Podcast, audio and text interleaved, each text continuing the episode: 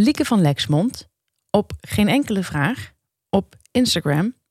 Kerst staat voor mij gelijk aan samen zijn met mensen waar ik van hou. We schrijven graag brieven voor elkaar en de cadeaus zijn eigenlijk altijd symbolisch, zoals de Moon Calendar ook is. Spelletjes spelen, kaarten, maar ook heel veel liefde in de maaltijd steken. Ik ben gek op bakken en koken. En de kookboeken zijn dan ook favoriet bij mij. Tegenwoordig zijn er ook heel veel lekkere kookboeken met prachtige bereiding van groenten. En daar doen we graag aan mee. Zo helpen we de wereld ook een beetje, terwijl we zelf genieten. Inspirerend. Ze wordt gesponsord door Amazon. Zo helpen we de wereld een beetje beter.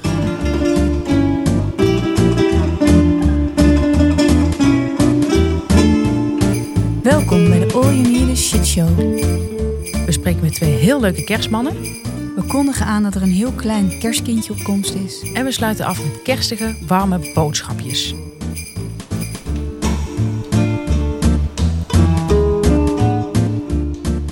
Een goede podcast is als therapie. Je kunt er al je shit kwijt. Wij, Stephanie Hogenberg en Janneke van der Horst, bespreken de heetste shit van de week en onze eigen shit. Zodat we samen met jullie weer een kilo lichter zijn. Een show door vrouwen voor mannen. We beginnen, zoals altijd, met de huishoudelijke mededelingen. Onze eerste mededeling is wat eh, zwaar, maar iets waar we allemaal mee te maken hebben. We zitten nu in een lockdown. Een harde In lockdown. een keiharde lockdown. En ehm, nou ja, in de eerste instantie zouden we misschien even een pauze inlassen. Omdat het natuurlijk best wel veel van ons vraagt om elke week maar te leveren. Eh, maar Stef, We hebben besloten om dat niet te doen, om door te gaan voor onze luisteraars. Ja. Omdat ze ons nu echt nodig hebben. Dat is geen arrogantie, dat is plichtsbesef. Dus we gaan door. wij gaan door. Dus dat is positief. En ehm, mocht je ons daarin willen steunen, word dan vriend van de show. Mag ook wel eens gezegd. Vriendvandeshow.nl Ja. Ja, daar eh, vind je allerlei leuke verhalen, extraatjes. Extraatjes, dus kun je hopelijk de lockdown mee doorkomen. Precies. We hebben ook nog een eh recensie gekregen op eh, Apple Podcast. Af en toe kijk daarop of er nog wat eh, recensies zijn achtergelaten. Was nu weer het geval. Karen Bruins, die heeft zijn recensie getiteld Leuk, leuk, leuk. Heeft vijf sterren in ons uitgedeeld. En die zegt net ontdekt, verrast. Leuk. Ontzettend leuk. Heel leuk. Zo kan het ook. Dankjewel, Karin. Ze is gewoon ontzettend verrast. In deze tijden waarin we nu leven, vlak voor kerst, in een lockdown, heb jij nog meer shit, Stef? Ja, heb ik. Ja, dat kun je bijna niet bedenken. Nee, Dat heb ik wel. er is meer. Mijn shit van de week is. ehm, het is zo. Ik eh, liet mijn wenkbrauwen altijd verven één keer in de zoveel tijd. Mhm. Dat is een trendje. Ja, En dat, Heb en dat, gezien, ja. en dat trendje deed ik er mee. En eh, ik kon het heel goed hebben. Zag er ontzettend goed uit, elke keer dat ik het deed. Eh, deed ik één keer in de zes weken. En eh, gaandeweg, ik deed dat zo gedurende drie jaar. eh gaandeweg ontdekte ik al een beetje dat ik een allergie had voor die verf. Want mijn wenkbrauwen werden steeds erboven, steeds roder. De huid erboven. En hoe lang bleef dat aanhouden? Drie dagen. Nou, iets langer zelfs, een week. Maar eerst vrij rood. En dan eh, ging het wat weg. Maar het ble- het bleef eigenlijk wel een beetje. Mag ik nog iets vragen als iemand die eh, haar wenkbrauwen niet eh, verft? Ja. Hoe lang heb je normaal gesproken plezier van geverfde wenkbrauwen? Mm, dikke twee weken. Oké, dus je had daar eigenlijk bleef er voor jou één week over. Je bent zo'n hoofdrekenwonder ook. Ehm, op een zeker moment kreeg ik er ook jeuk bij. Dus ze krabde altijd best wel aan mijn wenkbrauwen als ze waren geverfd. Maar ik ging door. Ik dacht, ik zie er nog steeds ontzettend goed uit met die Mhm. wenkbrauwen. Dus eh, ik heb dat zo'n tijdje gedaan. En de laatste keer dat ik dat deed, dat was een paar maanden geleden. Toen ehm, was er een hele zwelling gaande boven mijn wenkbrauwen. De volgende ochtend werd ik wakker. Was die zwelling helemaal in mijn ogen getrokken. Dus eh, ja, moet ik me daar voorstellen? eh, mijn oogleden waren volledig opgezet alsof er drie muggen in hadden geprikt. Oké, aan beide kanten. Aan beide kanten. Toen dacht ik wel, hé, hey, volgens mij komt dat door die verf. Mhm. Het was al een tijdje aan de gang, maar ik heb het gewoon al die, al die tijd genegeerd. Toen heb ik een eh, klein pilletje prednison genomen en een zichtek. Heb je dat in huis? de allergie? Ja, heb ik in huis. Oké. Want ik heb, een, ik heb sowieso een... eh, Allergiegevoelig. ik ben allergiegevoelig en ik heb ooit een, zo'n heftige allergie gehad dat ik een uh, kreeg. Dat is dat je een hele, hele opgezette bovenlip krijgt. Oké. Als ik liep, moest ik hem ondersteunen, omdat anders gewoon. nee, maar het was echt zo erg. ik weet nog dat ik niet wist wat me overkwam. En dat ik tegen een vriendin zei: ik kan niet afspreken, want ik heb een hele dikke lip. En ik woonde toen nog bij mijn ouders. Zij woonde ook nog bij haar ouders. Zij kwam toen aan, want ze dacht: het zal allemaal wel. Ik zeg: ja, je kunt wel naar mij toe komen, maar ik ga niks buiten de deur doen. Zij dacht: ja, ja. Die dacht dat ik weer eens overdreef. Ze komt aan en zij ziet mij en zegt: oh, oh. En ze schoot heel erg in de lach. Het was echt heel ernstig. Ik heb er ook foto's van. Leek sprekend op Julia Roberts. Eh, maar goed, dus ik heb eh, dat, dat, eh, die medicijnen heb ik altijd in mijn huis. En eh, dus ik slikte dat en toen ging het een klein beetje weg. Maar toen dacht ik wel, ja, hier houdt het wel op. Ik kan dus niet meer mijn wenkbrauwen laten verven. Ik heb nog gebeld. Zei ze, ja, we hebben ook een, eh, een allergiegevoelige verf. Daar heb ik toen iets van geprobeerd. Maar ook daar sloeg het best wel, sloeg mijn huid best wel op aan. Dus ook Dus dat. jij was gevoelig voor de allergiegevoelige. Precies, ja, zelfs daar. En eh, ik ben sensitief op alle vlakken. Mhm. Nou, dus eh, daar heb ik van wel van gezegd. Eh, dus ik moet mijn wenkbrauwen niet zelf doen. Niet leuk. Dat was dat. Dat was al mijn eerste teleurstelling dit jaar. Ja. Toen had ik een vrouw in de lijn. Dat is een vrouw die we allebei kennen. Ja. Mooie vrouw. Die is, denk ik, in de 50. Begin 50. Moeilijk in te schatten. Moeilijk in te schatten. Die zei eh, dat ze nu pas grijze haren begon te krijgen. En dat zij tot twee keer toe haar haren had laten verven. Maar dat zij dus ook haar, dat haar hele gezicht was opgeblazen van die verf. Ik betrok dat heel even op mezelf. Ik dacht, oh jee. Toen zei ze, en er is dus geen verf die ik kan verdragen, zei zij. Maar, zei ze toen, ik vind grijze haren eigenlijk best wel leuk. Dacht ik, hartstikke mooi dat jij dat leuk vindt. maar ik dacht even aan mezelf. Ik begin heel af en toe, krijg ik wel eens een grijze haar door. Ja. Het is Eh, ook wel anders als je in de dertig bent. Precies. Ik zie erbij al hangen dat ik dus straks ook mijn haar moet gaan verven omdat het te veel is. En dat er dus op de hele wereld geen verf is die ik kan gebruiken. Dit is een angst voor mij die vrij serieus is. Ik ben hier echt heel bang voor. En daar kwam nog bovenop dat ik toen ook nog Anouk op televisie zag met een kaal hoofd. Toen vroeg Eva Jinek aan haar: waarom heb je je haren eraf gehaald? Is er iets ernstigs in je leven gebeurd? Nee, zei Anouk. Dat vroeg Eva Jinek niet, maar ik denk dat ze dat wel dacht. En toen zei Anouk, nee, maar ik ben allergisch voor haarverf. En ik kreeg er zo'n opgezet hoofd van, dat ik heb besloten om het gewoon eraf te halen. Toen zei Jinek, nou gelukkig staat het jou. En dat was ook zo. Het staat er nog. Alsnog vind ik het echt ontzettend zonde. Ik hou toch echt wel van lang haar bij Mhm. vrouwen. Maar goed, ik heb dit allemaal op mezelf betrokken. Dat Begrijp is ik. volgens mij niet, niet heel gek. Nee. En ik ben als de dood voor de dag dat eh, het bij mij echt ernstig wordt. En dat er niemand is die mij kan helpen. Zijn er kappers die luisteren? Vraag me als je, adviseer mij alsjeblieft hierin. Maar zou, dit is niet heel onaardig bedoeld, maar zouden mensen Anouk niet ook geadviseerd hebben? Kappers die naar dat televisieprogramma keken? Janneke, ik ben doodsbang. Ja, weet ik. Ik probeer het Je vindt dat ik je niet help.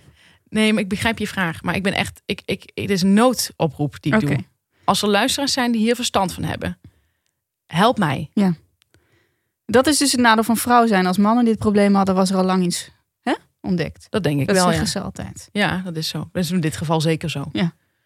Wist jij trouwens dat Kendall uit de serie Succession, Mhm. die best leuk vinden die serie, wist jij dat hij zijn haar heeft geverfd voor die serie? Nee. Nee, is leuk weet je hè? Of Dat niet? is leuk, weet je. Hij is in het echt heel grijs. Oké. Hele andere look. Ja. Beetje artistiek. In die serie is hij gewoon iemand met zwart haar. Maar ik dacht altijd dat je dat bij mannen heel erg goed zag. Omdat het ook altijd zo op je huid terecht komt. Maar bij hem ziet het er heel natuurlijk uit. Ik had geen idee dat het geverfd was. Oké, als de kapper van Kendall luistert. Kendall. Wat is de echte naam eigenlijk? Ja, Jeremy, Jeremy Scott volgens mij. als de kapper van Jeremy Scott luistert, alsjeblieft. Nee, meen ik. Ik weet ook helemaal niet of ik misschien daar allergisch voor ben. Ik weet niet of die Jeremy Scott heet. Dat moet ergens uit jouw brein komen, dat geloof ik. Ja, Meteen. maar je weet ook nog dat ik laatst eh, de fotograaf van Volkskrant drie keer wilde noemen. En drie keer Erik Dijkstra zei. In plaats van Erik Smits. Ja. Ja, We hebben nog voor jou wel een aantal jaar, want ik zie nog geen enkel grijs haar. Ik heb ze wel. Eh, je kunt mailen naar de shitshow@gmail.com. Heel graag. Disclaimer. Per abuis haalt Stephanie hier de acteur Jeremy Strong en de homo-pornoster Jeremy Scott door elkaar. Wat was jouw shit, Jannie? Nou, mijn shit... Voor de draad ermee. Ja, ik had. ehm, het is wel een beetje gênant. Misschien begrijpen mensen het toch. Oké, ik moest ergens naartoe. In, naar het zuiden van, de, van het land. Ik moest onder de rivieren zijn. Oh. Ik had daar een werkafspraak Lange tocht te gaan. aan het begin van de avond. Ik ging op tijd weg, omdat je altijd rekening moet houden met files. Ook in deze tijd rekening houden met files. Je weet nooit. Afspraak duurde tot eh, kwart over acht, half negen s'avonds. Ik had niet avond gegeten. Ik had vreselijke honger. Ja. Ehm, nou, vlak bij mijn huis is er een McDonald's. Die zit aan de snelweg. Maar ik reed er van de achterkant langs, dus niet via de snelwegkant. Eh, bij de snelwegkant eh, kun je er natuurlijk op met je auto, maar vanaf mijn kant niet. Maar ik dacht, ik parkeer die auto daar gewoon in de berm. En dan loop ik gewoon daar de eh, parkeerplaats op. En dan ga ik naar de McDonald's. Op dat moment was ik even vergeten dat restaurants natuurlijk dicht zijn. Of Ja. restaurant. je is misschien een mooi woord voor de Je McDonald's. ziet het niet als een restaurant, dus daar ging Ja, het ik dacht mis. eigenlijk meer een soort snackbar-achtig. Ik ga daar gewoon naartoe. Ja. Ik had, dus zeg ik nog even één keer, vreselijke honger. Ja. En ik hou niet van parkeerplaatsen. Echt een ontzettende angst voor parkeerplaatsen. Het is allemaal begonnen met Gouden Ei van Tim Krabbe. Ja. En wat, wat zegt Tim Krabbe dan in zijn boek? In zijn boek is verdwijnt er iemand op een, eh, op een Franse parkeerplaats. Bij een benzinestation. Dus hij heeft echt met die universele angst gespeeld, als het ware. Nou, hij heeft hem niet van mij aangewakkerd. Want die bestond nog niet. Ik was twaalf toen ik dat Oké. las. Ehm, ik had de hele rit van een uur en tien minuten alleen maar naar uitgekeken dat ik naar die McDonald's ging en daar iets te eten ging halen. Toen dacht ik, ja, wat nu? Ik heb vreselijke honger. Ik heb thuis niet zo heel veel te eten. Wat doe ik? Ik ga gewoon bij die McDrive ga ik gewoon staan. Maar ik was daar niet met de auto. Ik was daar lopend. Je bent lopend die McDrive ingegaan. Ja, stond voor mijn auto en er kwam achter mij een soort, ja, het is niet echt een vrachtwagen, maar wel een soort kleine truck waar je één auto op kan laden. Die kwam achter mij staan. Ik, ik drukte op die knop om mijn bestelling te doen. Zij zagen blijkbaar dat ik niet in de auto Ja, zat. ze hebben daar camera's in. Of ze hoorden dat. En ehm, ze zeiden dat ze dit eigenlijk niet deden. Ik stond op het punt om in huilen uit te barsten. Geef ik eerlijk toe. Ik stond daar, het was ijskoud. Er stonden vier auto's nog voor mij. Drie toen. Had jij of niet? Ja, ik schaamde me dood. Want die mannen zaten natuurlijk allemaal te lachen in die auto naast, achter mij. Het Ze lijkt me ook heel naakt opeens. ja, zonder het was auto. heel gek. Het was inderdaad bijna zonder kleren. Ja. Dus ik drukte op die knop. Ik zeg, ik wil graag iets bestellen, maar ik heb geen auto. Hoe kunt u dan hier? Ik zeg, ik heb mijn auto van de andere kant. Ja, dat mag eigenlijk niet en dit en dat. En we hebben hier altijd veel pubers die hier komen. En we willen dit niet, want dit is gevaarlijk. Dit is de drive, dit is voor de auto. Heel verhaal. Dus ik, ik wil heel graag wat eten. Heel graag. Toen zei ze, oké, zeg je bestelling maar.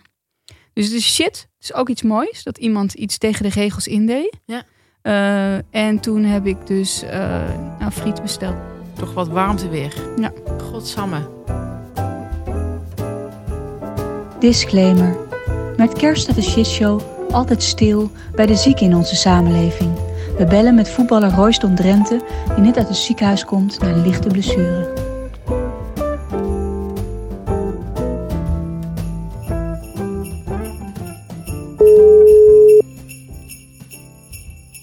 Gaan nu bellen met Royston Drenthe.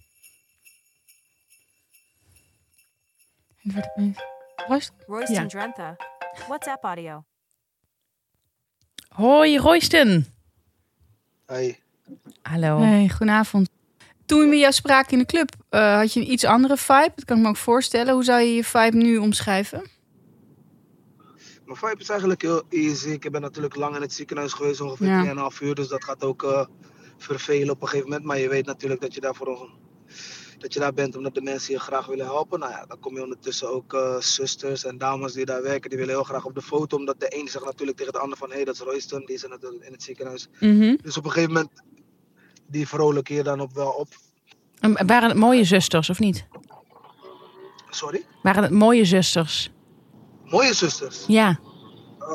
Hier is mondklap, mondkapje verplicht in het ziekenhuis. Dus ik denk dat dat ook een beetje het bedrog is van eh, de afgelopen twee jaar. Omdat je sowieso alle vrouwen in het, onder het oog moet zien onder een mondkapje. Nou ik zal je eerlijk zeggen dat eh, ik ben wel een type die graag kijkt. En ik denk dat de vrouw ook een, eh, een, pracht, een pracht in ons leven is. Maar daarentegen ben ik wel heel vaak de mist ingegaan door het mondkapje. Dat ik dacht van, hé, dat is een mooie meid. En dan zag ik er een keertje zonder een mondkapje en dan dacht ik van, oké, wacht even. Dat is toch niet datgene wat ik voor het oog had. En had ze dan eh, een scheve tanden of zo? Juist, dat soort dingen. Maar dat je dan toch een beetje eh, de dubbele schade eh, hebt gekregen door het maskertje. Ja, precies. En, in wat voor een auto rij je nu? Een BMW. Wat voor een BMW? BMW, eh, ik weet de naam niet eens niet voor. Uit de Ik weet naam 7-serie. niet eens. Wat is een 7-serie? Ik, ik weet het niet. Dat is het enige wat ik ken. nee, nee, ik rijd inderdaad een BMW 7-serie, klopt. Oh. Hey Royston, dit is, eh, ja, we bellen jou ook voor de kerstspecial van eh, de shit show. En dat houdt, en dat houdt in. Nou, we willen weten van jou, wat betekent kerst voor jou? En wat betekent kerst voor jou dan? Goed, een wedervraag. Ehm, Ja, want ik heb een beetje door. Jullie dames zijn natuurlijk een beetje de, de grappigzinnige dames. En de dames die voor een beetje, hoe zeg je dat? Ehm, de vrij vreugde zorgen rondom mannen en rondom familieleden. Dus dan vraag ik me toch wel af wat kerst voor jullie betekent. ehm, wij wij hebben eigenlijk nooit dat onze gasten in, een vraag terugstellen, maar het is wel heel erg leuk. Ehm, Oh, dat mag eigenlijk niet. het, het mag eigenlijk niet. Maar misschien ook die regels nog even moeten uitleggen van tevoren. De slimste Ja, gast die we ooit gehad je hebben. dat had je inderdaad van tevoren moeten doen. Ja. Ehm, kerst betekent voor mij vooral heel erg er tegenop zien. er tegenop zien. Ja. Ja, je bedoelt daarin, te- daarin tegen te zeggen dat je zeg maar eigenlijk bijna verplicht bent cadeautjes te kopen en dat soort dingen. Terwijl, Je het geld liever in je zak houdt. Precies. je hebt een punt. Ik denk dat ja, iedereen mag daar natuurlijk mee omgaan. Op zijn eigen manier, maar sowieso heb je een punt. Omdat ja, Hey, Royston, eh vier jaar kerst met jouw kinderen? Dit jaar? Of Sorry? blijf je in Spanje? ik ehm, ben in Spanje en daar intussen zullen ehm, mijn oudere kids... Die komen eigenlijk na het nieuwjaar. Ik heb mijn zoon en eh, mijn oudste dochters gesproken. Nou, mijn oudste dochters waren een, moesten een week langer door naar school. Mijn zoon daarentegen was al klaar. Die zit nog in groep 8. Maar zijn moeder is 5 januari jarig. Ehm, dus hij wou nog wel bij zijn moeders verjaardag zijn. Nou, dan heeft hij me teruggebeld om te zeggen van pa, ik kom daarvoor. Maar daarna vond hij twee dagen te weinig. En zei hij van ja, weet je wat pa, ik kom wel met mijn zussen samen. En eh, die kleintjes zijn, die komen tussendoor ook eh, met de feestdagen. Maar die komen dan voor het nieuwjaar. Dus die ga ik allemaal gewoon zien. En hoeveel tel ik er nu? Ik heb er zeven. Zeven? Ja, ik heb zes meiden en jongen. Wow, je bent een meisjesvader. Ja. Zeggen ze, hè? Mannen met heel veel testosteron. Ja, Die ik, maken eh, meisjes. Ja, En, en hoeveel verschillende moeders zijn er dan? vier. Oké. Wist je, wist, je, wist, je, wi- wi- wist je dit niet of vraag je dit echt voor de, voor, voor, voor de luisteraars? Eh, ik wist het niet. Oké. En zit er, zit er ook een kerstkindje bij? Eentje die eh, met kerst is geboren? Met kerst? Nee, ik heb geen kinderen die met kerst zijn geboren. Vlak, vlak rondom kerst? Ehm, er, gaat, er, ga- ik ga- er gaat een zoontje geboren worden rond, rondom kerst. Dus Wauw. rondom kerst in december dus. De, de achtste dus. Maar daar... Ja, de achtste inderdaad, ja. Oh, dat wist ik niet. Ik begrijp natuurlijk wel wat zeg maar de vrouw eigenlijk zoekt in het leven, snap je? En wij mannen daarentegen zijn gewoon stukken dommer dan de vrouw en zijn ook veel minder snel dan de vrouw. Dus Ja, zijn ook ja. veel, veel, veel, veel eh, langzamer rijp. Dus dat stukje heb ik al lang ondervonden, omdat het, om het feit dat als je gaat kijken naar ja, vriendinnen, eh, meisjes die ik ken, als ik dan zie hoe, ze, hoe snel ze zichzelf eigenlijk volwassen hebben opgesteld. En als ik er dan al acht jaar of negen jaar ken, dan denk ik bij mezelf, Jezus. Wij mannen daarentegen zijn heel vaak nog in de twijfelende modus en durven zeg maar minder snel concrete stappen te maken, waardoor een waar een vrouw al zoiets heeft van, ja vriend, welke keuze ga je nou maken? Is het dit of dat? Begrijp je? En ik ben daarentegen nog wel een type dat ik dan een beetje eromheen aan het draaien ben. Niet eromheen aan het draaien, wel Nou, ik wil, maar niet. Royston, stop maar. Ik heb de diagnose gesteld. Jij hebt Ja, bindingsangst. Nee, maar die diagnose had ik zelf ook al gesteld, hè? Oké, maar ik doe het ook nog een keer. Je bent, je, bent niet de, je bent niet de eerste waar ik dat tegen zeg. hè. Dat is, dat is iets wat al de afgelopen 2,5 jaar, 3 jaar bekend is dat ik zware bindingsangst heb. Oké, ja, nee, ik speel nu even die rijpe vrouw, eh, die het al net iets eerder door heeft. 99% van de mensen heeft heb- bindingsangst. Ja, maar ik heb daar nooit last van gehad. On- eh, ondanks dat ik de laatste drie jaar dan wel last van heb. Maar Wat, wat vind jij heel leuk bij een vrouw? Is lang geleden, man. Is lang geleden dat ik gelijk, gelijk verliefd ben geweest. Wat, Misschien op eerste, gezicht, op eerste gezicht lang geleden. ja, nu met die mondmaskertjes dus even niet. Maar wat vind jij, eh, als ze dat mondmaskertje niet op hebben, wat vind jij leuk aan een vrouw? Wat, waarmee kan ze jou eh, inpakken? Ja, ik ben sowieso wel een type die eerste instantie natuurlijk op uiterlijk valt. Ja, ik vind het altijd heel krom om te zeggen van ja, ik val alleen op innerlijk. Maar ik vind het gewoon belangrijk dat het wel een vrouw is die, die, die, die, die mij aantrekt. Nou ja, Tuurlijk. Heel vaak, heb je dat, heb- heel vaak heb je natuurlijk ook meegemaakt dat een vrouw je aantrekt en op het moment dat ze begint te praten denk je bij me, godsamme, serieus, hou jij je mond maar, weet je. Het is veel met de mond, heb ik het idee. Ja, En- een en beetje waar, waar, waar, waar knap je dan op af? De mond vaak. Oh, de mond. Met praten. Toch, toch Royston, Nee, nee, praten nee, en nee, mond. nee, niet, op, niet, niet, niet op de mond, maar waar ik op, ik, waar ik op afknap, ik heb een voetenfobie. Nee, op het moment dat ik een vrouw echt leuk vind, maar echt, echt leuk vind, verliefd ben tot over mijn tenen. Maar stel dat de vrouw de sokken uitdoet en dat ik zeg maar haar voeten zeg maar niet mooi genoeg vind, dan zou ik gewoon drastisch kunnen afkicken van die vrouw. Als je ooit in Nederland bent, Royston, dan gaan we eens Ja. even een keer wat drinken. Echt voor, voor de gezelligheid. Volgens mij kunnen we een hele leuke avond hebben met jou. Gaan we naar de club. Gaan we ze- Ja. dat, ga je niet, dat gaan jullie niet twee keer tegen me zeggen, dat gaan we regelen. Oké. Heel erg leuk. Dat gaan we regelen. Dat gaan we regelen. Jullie zijn van Amsterdam, tenminste eentje van jullie is van Amsterdam, hè? Iemand moest komen naar Amsterdam. Ja, dus wie, Was wie ik. was dat? De moeder. Oké, en jij komt uit? Amsterdam. Oh, ik kom uit Muidenberg. Ken je dat? Oké, maar dat is dus zeg maar gewoon Amsterdam. Ja, vlakbij. Nou ja, dus dat betekent dus als we dan een drankje gaan doen, dan gaan we naar Rotterdam. Wat een goede compromis. Ja. Ja toch? Ja. Tuurlijk. Gaan we de mensen gek maken in Rotterdam? Juist, dan, dan zijn jullie sowieso veilig, begrijp je? Ja, ja. In, Rot- in Rotterdam met mij zijn jullie gewoon veilig. Ja. Dat, dat is geen stress. Wat zou je willen zeggen ehm, tegen de mensen die nu een beetje in de put zitten vanwege de lockdown? dat het zeer menselijk is. Ehm, dat ik daar ook heb gezeten eigenlijk aan het begin van, begin van corona, de eerste lockdown. En dat ik zelf heel gauw, moest gaan ondervinden dat ik eigenlijk in de depressiviteit terecht was gekomen. Om het feit dat ik altijd een persoon ben geweest dat ik mijn uitlaatklep, dat zit in het bezig zijn. Wat ik aan de luisteraars wil zeggen is dat schaam jezelf er niet voor. Ehm, het moment dat iemand te hulp wil slaan, slaat ook, staat ook niet af om het feit dat je kan het niet altijd alleen. En je moet ook praten met mensen die er verstand van hebben, die jou eventueel daar kunnen sturen waar jij geen kijk op hebt. En ja, dat heb, daar heb ik ook voor moeten kiezen. Uiteindelijk heb ik ook met ehm, ja, psychologen moeten praten en dat soort dingen. Waar nou eigenlijk mijn traumatische ervaringen zaten, waardoor ik me eigenlijk zo kut voelde.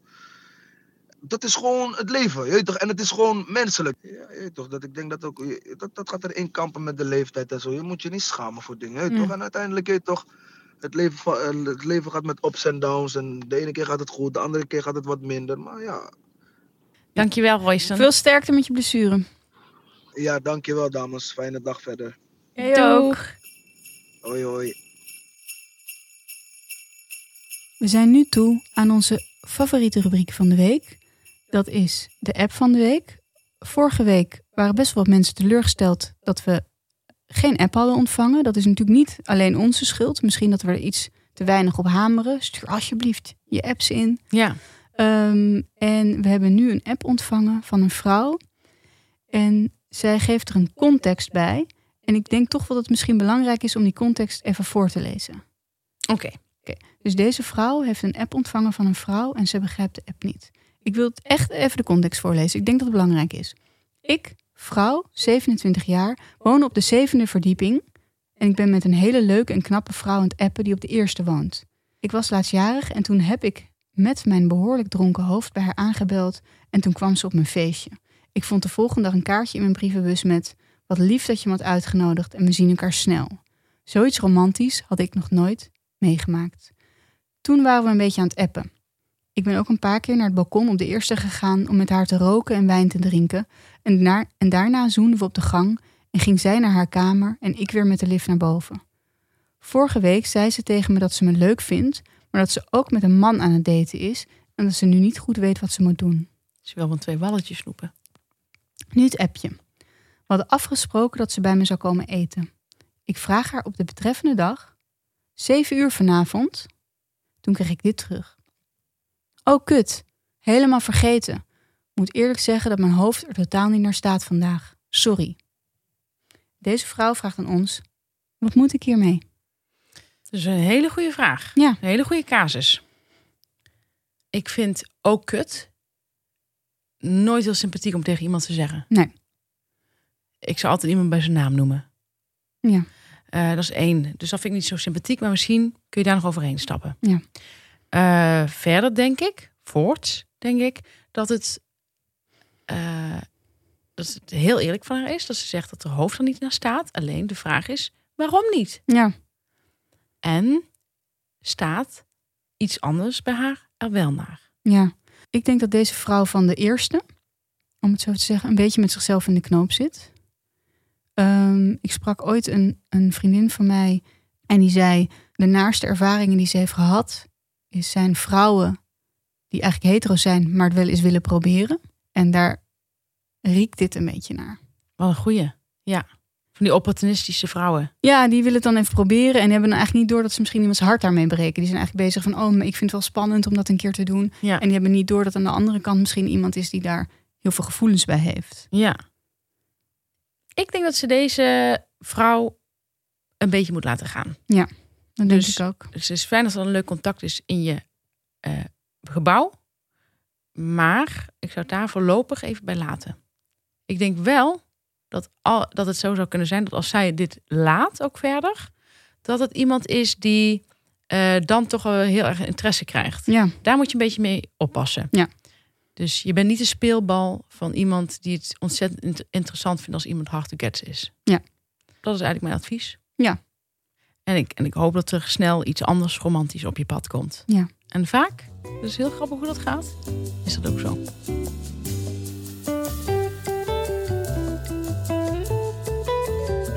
we zijn nu bij de ergernis en om in de kerstsferen te blijven, hebben Stef en ik een gezamenlijke ergernis deze week.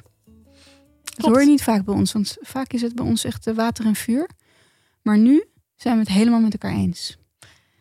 Wij willen dat Tweede kerstdag afgeschaft wordt. wordt. Afschaffen. Schaf het af. Ik had nog een klein, klein dingetje. Misschien eh, kunnen mensen mij daarmee helpen. Omdat we het over kerst hebben. Ja. En ik heb als kind op een eh, meegedaan aan een, zo'n kinderkerstkoor. Hè? Je hebt wat van de rakkertjes, de kuttekopjes.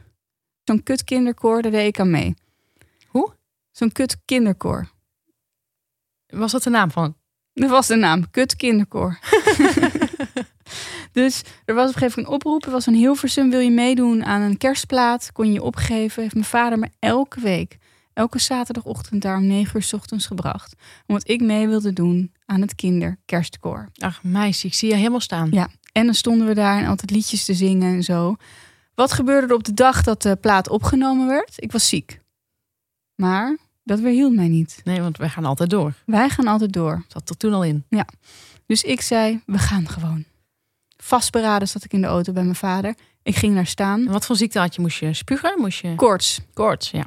Nou, beetje koorts. En ehm, toen... Maar ik was ook verkouden. Dat kon in die tijd allemaal nog, weet je wel. Dat klinkt nu echt serieus gek. Maar ik was ook best wel verkouden. En ik stond daar gewoon bij het kerstkoor. Hele kerstkoor aangestoken, denk ik. En op dat moment eh, gingen we dus zingen. En toen zei de vrouw... eh, het werd opgenomen voor een plaat. Dus was in een soort studio. Er waren microfoons bij. Opnameapparatuur. Toen zei die vrouw tegen mij... Wil jij niet zo hard zingen? En dat ging over mij. Omdat ik natuurlijk door mijn verkoudheid niet goed hoorde. En wat harder zong dan de rest. ja. Eigenlijk vroeg ze mij, wil jij niet zingen? Hoe weet je dat? Dat denk ik, want ik denk dat ik op dat moment een beetje vals zong. En het net een beetje miste. Dat kan juist een ontzettend leuke touch geven. Tuurlijk, dat is ontzettend leuk op zo'n kinderkerstplaat. Maar goed, Ja. daar had zij geen gevoel voor. En toen heb ik dus min of meer geplaybacked. Meegedaan met het kinderkerstkoor, geplaybacked. En ehm, dat was mijn enige keer in mijn leven dat ik ooit, denk ik, op een cd of een plaat zou belanden. Ja. Mijn naam zou er ook op komen. Daar was ik ontzettend trots op dat ik mijn naam op een plaat kwam. Maar wat gebeurde er nou? Je moest die plaat dan bestellen en ook verkopen voor een goed doel. En op een manier is daar iets misgegaan. Ik heb die plaat nooit gehad. Woon je ergens waar nog platen in huis zijn? Zie je een plaat van een kinderkerstkoor? Ik weet niet meer hoe het heet. Kijk eens of je daar de naam Janneke van Horst op ziet staan. Dat zou ik ontzettend leuk vinden om te hebben. Ik heb natuurlijk uiteraard uiteindelijk niet op meegezongen. Maar zoiets overkomt mij natuurlijk nooit meer. Het is wel mooi dat, i- omdat we nu een enorme groeiende luistercijfers zien, Ja, dat jij ook denkt dat er, dat, dat het, dat het toch zoveel luisteraars zijn dat er iemand bij zit die dit thuis heeft. Vind ik heel leuk dat je het meteen in de praktijk toepast. je weet het nooit.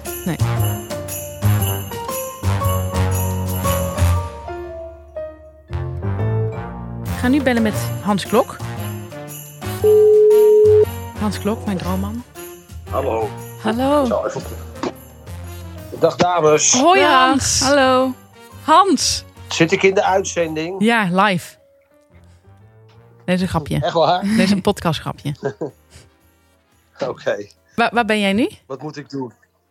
Ik ben nu e- even in mijn slaapkamer. Oh. Ik moet even de situatie schetsen, als ik het goed heb. En verbeter me als het Ja. niet zo is. Is dat jij bij de allereerste lockdown in 2020... Ja. stond jij op het punt van doorbreken. Dus jij zat Nou, bij Ellen... soort van, ja, zat bij Ellen DeGeneres. Ja, dat was wel, eh, is op zich wel knap als je dat eh, in Amerika voor elkaar Ja. krijgt. Ja. Maar goed, ja, ik zat Ja. ik zei, bij mij stond het, ging het eigenlijk allemaal net een beetje goed na een moeizaam eh, begin in Las Vegas. En toen zaten we 13 maart bij Ellen. En twee dagen later, toen ging de wereld op slot. Dus gelijk, gelukkig was het wel uitgezonden. Maar dezelfde dag nog trouwens. Maar twee dagen later, toen kwam de casino-directeur naar me toe en die zei: Het casino gaat dicht. Ik zeg: Hoezo dicht? Hij zegt: De hele strip gaat dicht. En eh, had je daar eh, miljonair kunnen worden? Ja, maar dat kan ik hier ook. Maar, maar je bent nog niet miljonair, toch? Nee, maar ik, eh, ik, heb, ik ben eigenlijk nooit zo ehm, goed geweest met geld. Heb me daar nooit mee bezig gehouden, weet je. Ik, had, ik liet dat altijd andere mensen doen. En ik wilde alleen maar het nog mooier maken, het nog beter. Dus ik investeerde altijd alles. En nu ben ik wel een stuk zakelijker geworden.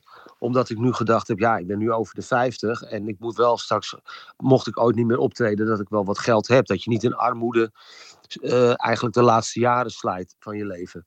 Ehm, veel mensen hebben natuurlijk een wat mager jaar. De mensen die in de horeca eh, werken. Ja. En eh, nou ja, goed, ik hoef het allemaal niet op te noemen. Heb jij geleerd? Heb jij een tip voor deze mensen? Ja, nou, Geldbesparing betreft. ik heb gewoon onwijs mazzel gehad. Heb ik dan tips? Ja, weet je, ja, in mijn geval, ik ging eh, dingetjes doen zoals shownieuws en zo. En ik ging daar ineens geld voor vragen. Want ik zei, ja, ik wil wel langskomen, maar ik ga het niet meer voor niks doen. Want ik heb niks te promoten. Ik heb niet een, har- een op dat moment carré dat vol moet of zo. Want ik vroeger zat ik al in al die praatprogramma's om kaartjes te verkopen. Nou, dat viel weg door, die, door de corona. En, en kreeg je geld bij shownieuws? Ja, niemand deed er moeilijk over. En, Al die programma's, Boulevard. Iedereen zei ja hoor, natuurlijk, dat begrijpen we Hans. Ik kan het allemaal niet meer voor niks blijven doen, want je hebt ook je vaste lasten. Nou, dat zijn niet gigantische gages, maar 500 eh, euro of zo. juist. ja, Vind ik een hele, hele goede tip. viroloog, hoe heet zo iemand die dat virus eh, bespreekt? Ja. Die krijgen 1500. Ik zeg, dat begrijp ik nog wel dat ze vijf keer per, per week op tv willen. Dat is gewoon big business. Ja, dan krijgt, zet je Ab Osterhaus ook meteen in een heel ander daglicht. Ja, je moet altijd met die podcast op. Dat wordt altijd weer door de hele pers opgepikt. Maar ik heb wel gehoord dat die de hoofdprijs krijgen om op tv te verschijnen. Ja, en tv wil hun natuurlijk ook graag hebben. Dus ja, misschien ook goed, goed vanuit hun oogpunt. Nu krabbel ik een beetje terug. En zij kunnen het natuurlijk maar in korte tijd verdienen zolang er virussen zijn. Ja, maar het duurt Ja, wel lang nu. ook Ja, het- duurt veel te lang. Gisteren hadden wij ons optreden in de Harbor Club. En we zouden nu vanavond optreden met kerst. En daarna zou ik 20 shows doen voor kinderen in de Harbor Club. Alles is nu gecanceld. Het is echt, ja, het is wel zuur, weet je. Dat is wel dat je denkt, what the fuck, weet je. Wat gaan we nou weer doen? Maar Hans, eh, ik heb het idee dat jij jouw positiviteit er niet uit te rammen is. Klopt dat? Nou, nee, ik ben wel een positief mens van mezelf. Dat sowieso. Maar dat komt ook omdat ik natuurlijk iets... Ik doe iets heel leuks. Ik goochel. En dat is zo leuk. Want dat zijn dingen doen die niet kunnen. Ja. Wat er boven natuurlijk uitziet. Maar wat, wat natuurlijk allemaal trucs zijn. En ben je eigenlijk altijd... Dat is een levenslange studie. Dus dat vind ik al heel leu- leuk. en ik heb eigenlijk wel tot nu toe het leven mogen leiden wat, waar ik op gehoopt had als kind. En mijn vriend zei ook, hij zegt eigenlijk eh, is het zo, heeft het zoveel beter uitgepakt. Eh, eh, want eigenlijk kan ik ook helemaal niks anders. Weet je? Ik heb niet eens de MAVO afgemaakt. Ik, ik heb geen scholen gedaan. Um, onwijs massa gehad dat ik één dingetje goed kon. En, dat en, dat, en dat ook heel goed wist te verkopen. En, en, uh, nou, en er goed uitziet natuurlijk. Ja, dat is wel Nou ja, met een, go- een goede belichting en uh, juiste afstand hele eind. Nou, Hans. Hey, en heb, nou jij, ja, heb jij ook zo'n ontzettende hekel aan Victor Mits? En waarom? ik heb helemaal geen hekel aan Victor Nits. Oh, Vind ik onwijs aardig gozer. en woon jij niet meer in dat huis waar Peter van der Vos jou ooit kwam interviewen? Nee, nee, nee. We wonen nu in Bloemendaal. Dit is een soort, dit is een appartement. En dat heb ik eigenlijk alleen maar gekocht omdat onder het appartement in de kelder is een zwembad en een fitness. En dat leek me zo onwijs gaaf om een zwembad te hebben. Ja. Iedereen mag daar gebruik van maken. Maar het is, je komt nooit iemand tegen in die fitness. Maar En ik vind het dat ideaal. plas jij wel eens in het zwembad? Uh, nee, nee, gelukkig niet. Nee. nee, wel andere dingen gedaan in het zwembad, maar niet geplast. Is er iemand waarvan je denkt, die wil ik niet eh, tegenkomen in 2022? Moet er eentje noemen, Hans. Kom op.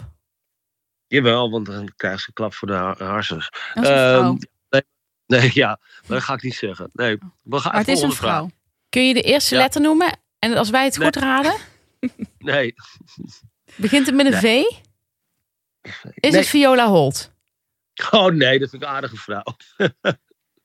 nee hoor. Het is iemand. an- Nou, maakt niet uit, het is niet belangrijk. Oké, Hans, Hans, eh, ja, ja, ja. Hans, nog iets. Eh, jij bent de Ja. droomman van Stefanie. Heb jij veel... De droomman. Ja, Oh, wat leuk. maar jij bent, ben jij ook een bieman? Ja, eh, ik denk het eigenlijk wel. Ik denk dat eigenlijk iedereen dat is. Ja. Maar heb je vaak vrouwen eh, verdriet gedaan? Oh, dat ze verliefd op me waren. Ja, dat Ja. is wel eens gebeurd, ja. Ik vind vrouwen zelf heel leuk hoor. Ik kan heel goed met hun werken. Ik heb natuurlijk heel veel vrouwelijke collega's. Af en toe moet je ze wel aanpakken. Want het, is ook wel echt dat we allebei van een andere planeet afkomen. ik moet Ja. ook wel eens om ze lachen, weet je. Dan, Ja. Oh, dan, dan gaan, ze smink, gaan ze zich sminken. Dan zitten ze drie uur voor een spiegel. En Geef jij vooraf aan wat het BMI mag zijn van hun? wat het wat, wat moet zijn? Het BMI, Was de BMI? de Body Mass Index. Hoeveel ze wegen? Wat? Vet. Oh, ja, je ziet mentaal is ook niet. Ehm, ja, nou ja, ze moeten, wel- ja, moeten niet te dik worden. Af en toe zeg ik, eh, jongens, eh, doe er even wat aan. Pas op. Maar ja, dat geldt ook voor Pas mezelf. plaat. Ja, nou ja, ja. Het is, het is moeilijk.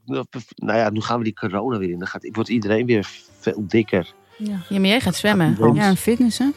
Ik ga zwemmen. Hans, wij vonden jou de allerleukste gast die wij Ja, in onze shitshow gehad hebben. Ja. Afgelopen kwartier. Ja, ik vond dit ook het allerleukste interview Dat je ooit hebt gehad, toch? dat ik ooit heb gehad. Ja. Ja. Dankjewel. Doei doei. Dag Hans. Dag. Doei. Doeg.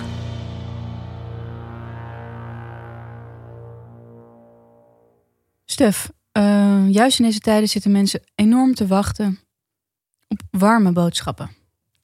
Klopt. Ik wil het er graag even bij pakken. Mag dat? Ja, natuurlijk. Een grote tas heb je mee. Ja, kijk even mijn hele grote tas. Kijk eens. Heb ik een heel dik boek. Vroeger, toen ik nog klein was en op de kleuterschool zat, toen was er ook zo'n dik boek van Jip en Janneke. Dan moesten we altijd bij de juffrouw kloppen, mocht je om de beurt als kind kloppen, om te horen of ze thuis waren. De meeste kinderen klopten dan en zeiden dan, ja, ze zijn thuis. En dan ging de juffrouw voorlezen. Op een gegeven moment was ik aan de beurt, ik kloppen, zei ik hoor ze niet. Hele spel niet begrepen. Je dacht dat je iets miste. Dus zei ze, klopt nog maar een keer. Weer geklopt. Ik hoorde ze weer niet. Ze zei, nou, volgens mij zijn ze wel thuis hoor. Klopt nog maar één keer. En dan denk ik wel dat- ze thuis zijn. Ik weer klop. Ik zeg, ja, ik hoor niks. Maar goed, daar doet me de dikke boek aan denken. Ehm, dit boek werd getipt bij het enorme kutprogramma Brommer op Zee. Eh, door Roxane van Iperen. De enige reden waarom ik daarna ging kijken. Want Waarom vind je dat een kutprogramma? Oh, daar heb ik echt wel heel erg veel redenen voor. Is dat misschien goed om even te vertellen? Ja. Ehm, Brommer op Zee is zo verschrikkelijk gekunsteld. Er zitten twee presentatoren die allebei totaal geen interesse in boeken hebben. Weet je dat zeker? Dat weet ik niet zeker. maar het komt op mij niet over alsof ze echt interesse hebben. Ze zitten erbij alsof ze een sollicitatiegesprek voeren met z'n tweeën met de schrijver. Ehm, de laatste keer, toen was er een eh, schrijver en die moest dan in een hokje gaan zitten. En in dat hokje ging hij dan, in, terwijl de, de, het programma al liep en alles, moest hij iets gaan schrijven ter plekke en dat dan gaan Dat is voorlezen. elke week, toch? Dus elke week. Ja. En Wilfried de Jong die gaat dan na het interview, de sollicitatie, gaat hij naar dat hokje toe en dan gaat hij kijken wat die schrijver heeft geschreven. Dit alleen al is een verschrikkelijk concept. Ja. Eh, eh, Zou kunnen dat ik dat bedacht heb, hè? Jij hebt er gesolliciteerd. Ja. En toen Maar- moest je allemaal ideeën aandragen. Ja. Zij zijn te wild geweest met de ideeën. Met mijn ideeën. Ik denk niet dat het jouw idee is geweest. Mijn idee was, zorg dat er een soort plek is... eh, buiten de tafel... waar Wilfried, net als in Holland Sport... bij de massagetafel... een gesprek kan voeren met een schrijver. Die schrijver kan dan bijvoorbeeld een brief schrijven... naar zijn jongere ik. Lijkt ontzettend veel op wat ze daadwerkelijk gedaan hebben. Ik ben niet trots op het idee. Ik vond het niet per se een goed idee... maar ik wilde laten zien dat ik überhaupt ideeën had. Dat je creativiteit in je had. Ja, Ja. dat wilde ik laten zien. ja. Uiteindelijk had ik waarschijnlijk niet hiervoor gestemd. Nee. Als ik in de redactie had gezeten, wat hebben ze gedaan? Mij niet aangenomen. Dit idee gejat. En nog kutter gemaakt dan het idee al was. Ja. Dat wil ik even zeggen. Nee, maar dat is supergoed. Ik vind dat eh, mensen wel eh, recht hebben op openheid van zaken. Ja, Laatste keer ging Wilfried de Jong dus naar iemand toe die daar een stukje had zitten tikken. En dat werd zo voorgelezen. En dan kom ik eigenlijk meteen weer bij een ergernis. Kan dat? Is ja ruimte nee, voor? tuurlijk. Ja, omdat we bij de warme is ook voor boodschap jou zijn. kerst. Ehm, die schrijver ging dit zo voorlezen. Dat vind ik een verschrikkelijke manier van voorlezen. Zo mag niemand voorlezen. Zo lezen heel veel mensen voor. Zo mag niemand voorlezen. Het ging zo. Kijken. Lees hem voor. Yes. Misschien zijn mijn grootste vijanden wel de stemmen in mijn hoofd. De stemmen die zeggen: stop met schrijven, Gershwin. Begin niet aan deze brief. Vaak verzin ik mijn eigen beulen, weet je. Wek ze tot leven, maar stel vervolgens de executie uit. Heel mooi. Theatraal. En vooral heel erg theatraal. En dit is een voorleeswijze waarvan heel veel mensen denken dat dat heel erg mooi is. Ja. Hoe normaler jij voorleest, hoe meer een tekst binnenkomt bij iemand. Maar goed, dit is een ergernis. Ehm, Roxane van Ypres was de gast. En eh, ik, zij kan, ik vind dat zij ongelooflijk goed kan vertellen. En zij mocht een boek aandragen samen met Tommy Wieringa. En zij zei, ja, ik wilde eigenlijk geen non-fictie kiezen, want dat is ook niet de bedoeling van het programma. Dus je moet, fictie kiezen. Maar zij koos toen toch voor non-fictie, want ze zei, dit is ook eigenlijk wel een fictief verhaal. Zo zei ze het niet, ze zei iets anders. Ik kan het niet meer herhalen. Het boek heet Traumaspoor en het is geschreven door een Nederlander die in Amerika woont. Al heel lang. Gisteravond ging ik even een podcast luisteren met hem. Hij spreekt ongelooflijk Nederlands-Amerikaans. Dat vond ik wel eigenlijk heel fijn. Daardoor was het heel goed te volgen.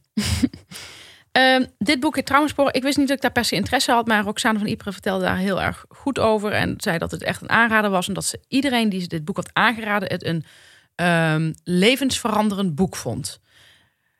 Nou, daarna zei Rut Joos, ik pak deze alvast eventjes mee. Want die wilde, was meteen heel inhalig. Die pakte het boek Mhm. gewoon bij Roxane weg. Volgens mij was ze gewoon haar eigen boek. Er zaten allemaal papiertjes in.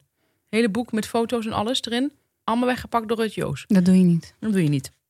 Ik heb dat boek aangeschaft, want ik, ik, Roxane vertelde er zo goed over. En eh, ik, het is een boek van 400 pagina's. Ik ben op pagina 70, dus ik kan nog niet vertellen hoe het afloopt. maar eh er zitten heel erg veel dingen in die ik ontzettend interessant vind om over te lezen. Dus of je nou een trauma hebt of niet. Nou, iedereen heeft wat trauma's, maar de een heeft heel grote trauma's en de ander heeft wat kleinere trauma's. Maar er staan allemaal voorbeelden in, daar ben ik dol op, over proeven met dieren. Och, daar ben ik zo gek op. en ehm, ook over eh, bijvoorbeeld hoe Prozac werkt. Toen is eh, bijvoorbeeld aangetoond dat het bij eh, heel erg veel patiënten ontzettend goed deed. Dus er er werd echt iets in gang gezet en iets wat er werd echt iets chemisch weer opgelost. Maar bij oorlogsveteranen sloeg het niet aan. Dus daar is echt iets stuk in de hersenen door trauma. Mhm. Dus dat, daar had Prozac ook geen effect meer op. Nou, dit soort dingen staan erin, maar er staat bijvoorbeeld ook dat eh, dierproeven met, ze hebben dierproeven met honden gedaan. En die eh, schrijver van dit boek, die professor, die schrijft heel erg makkelijk en helder. Dat is heel fijn om te lezen. Dus het leest ontzettend makkelijk. Ja, je hebt mij een stukje gestuurd. Ik vond het heel goed geschreven. Ja, het is heel goed geschreven, ja. Ehm, dat is toch, denk ik, toch wel Amerikaanse invloed of zo. Het lijkt wel alsof, iedereen daar, zodra hij een pen in zijn hand heeft, gewoon een heel makkelijk verhaal opschrijft. Eh, er zijn een paar dingen die ik heel erg interessant van mij vertelde. Bijvoorbeeld ook in dit boek dat eh, hij zegt dan tussendoor van ja, ik ben een, eh, er is een, een proef met honden gedaan. Daar was ik zelf gelukkig niet bij als hondenliefhebber. Dat vind ik al een heel leuk tussenzinnetje. Mhm. Zeker in zo'n be- beetje, in, nou het is geen stoffig onderwerp, omdat hij het zo goed vertelt, maar zo'n serieus onderwerp. Maar ehm, eh, die honden bijvoorbeeld, daar hebben ze dan elektroshocks aangegeven, terwijl ze in een kooi zaten. Op een gegeven moment openen ze die kooi en die honden blijven zitten. En dat hebben ze vergeleken met menselijk gedrag. Mensen die dus een trauma hebben opgelopen, dat die vaak ook, zodra ze kunnen ontsnappen, niet ontsnappen. Want honden die geen elektroshocks hebben gekregen in hun kooi en waarvan de kooi wordt opgezet, die rennen eruit. Mhm. Die gaan, die gaan gewoon lekker de wijde wereld in. Dus eh, dat soort dingen staan erin. Dat, dat boeit mij enorm. Ook met eh, proeven met muizen. Ze hebben bijvoorbeeld ook getest dat ehm, latere dierproeven op muizen, ratten, katten, apen en olifanten leverden meer intrigerende data op. Als onderzoekers bijvoorbeeld een hard penetrant geluid lieten horen aan muizen die opgegroeid waren in een warm nest met voldoende eten, dan renden deze muizen meteen naar hun hol. Maar dat gold ook voor een andere groep muizen die opgegroeid waren in een lawaaierig nest met schaarse voedsel, voedselvoorraden. Ook zij renden naar hun hol, zelfs nadat, nadat ze enige tijd hadden kunnen doorbrengen in een prettigere omgeving. Bange dieren keren altijd terug naar hun hol, ongeacht of dat hol veilig is of beangstigend.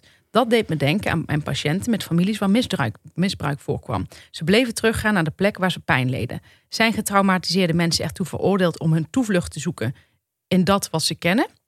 Zo ja, waarom en is het mogelijk om ze te helpen gehecht te raken aan plekken en activiteiten die veilig en aangenaam zijn?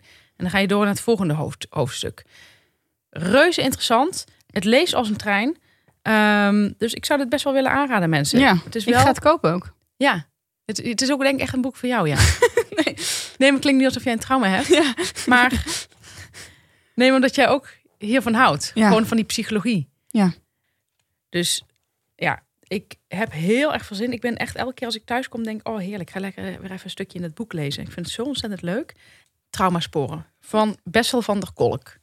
Het is wel best wel duur.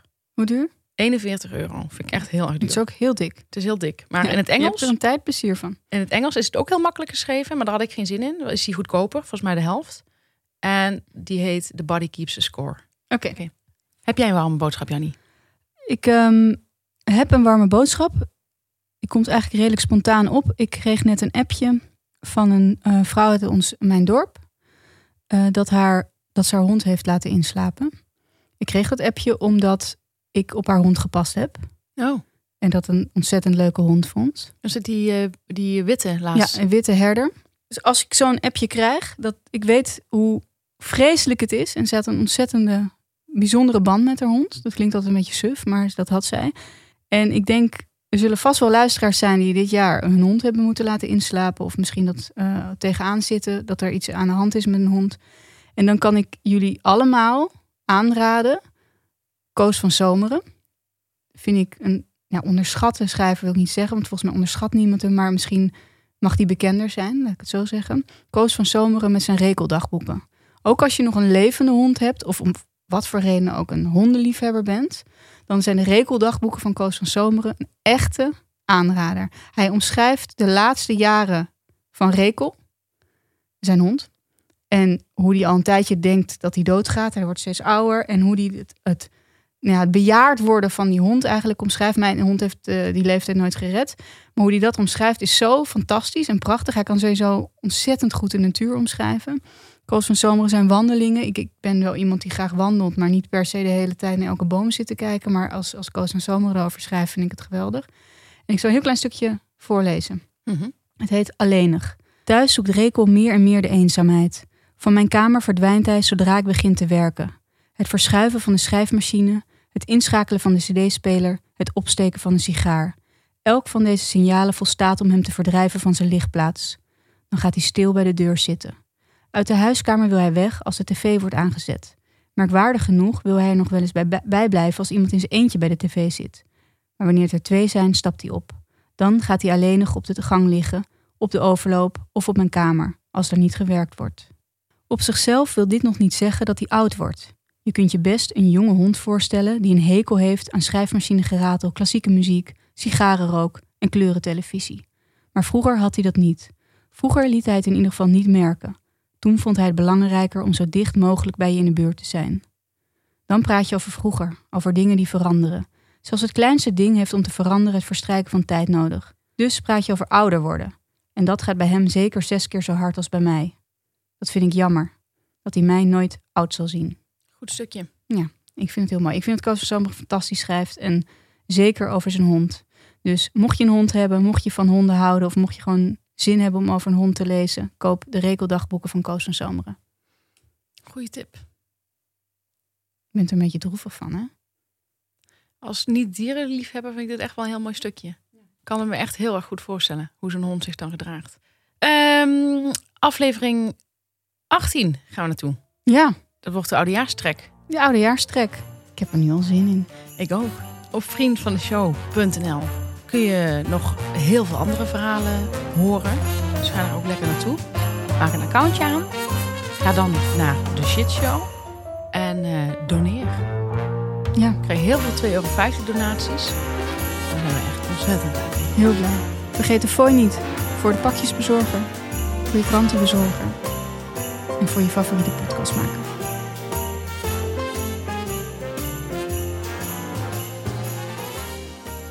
En speciaal voor deze kerstige show hebben we een heel erg leuk verhaal op vriendvandeshow.nl. Daarin vertelt tante Margreet hoe ze Frank Boeien uitnodigde bij haar thuis, terwijl haar man er ook was.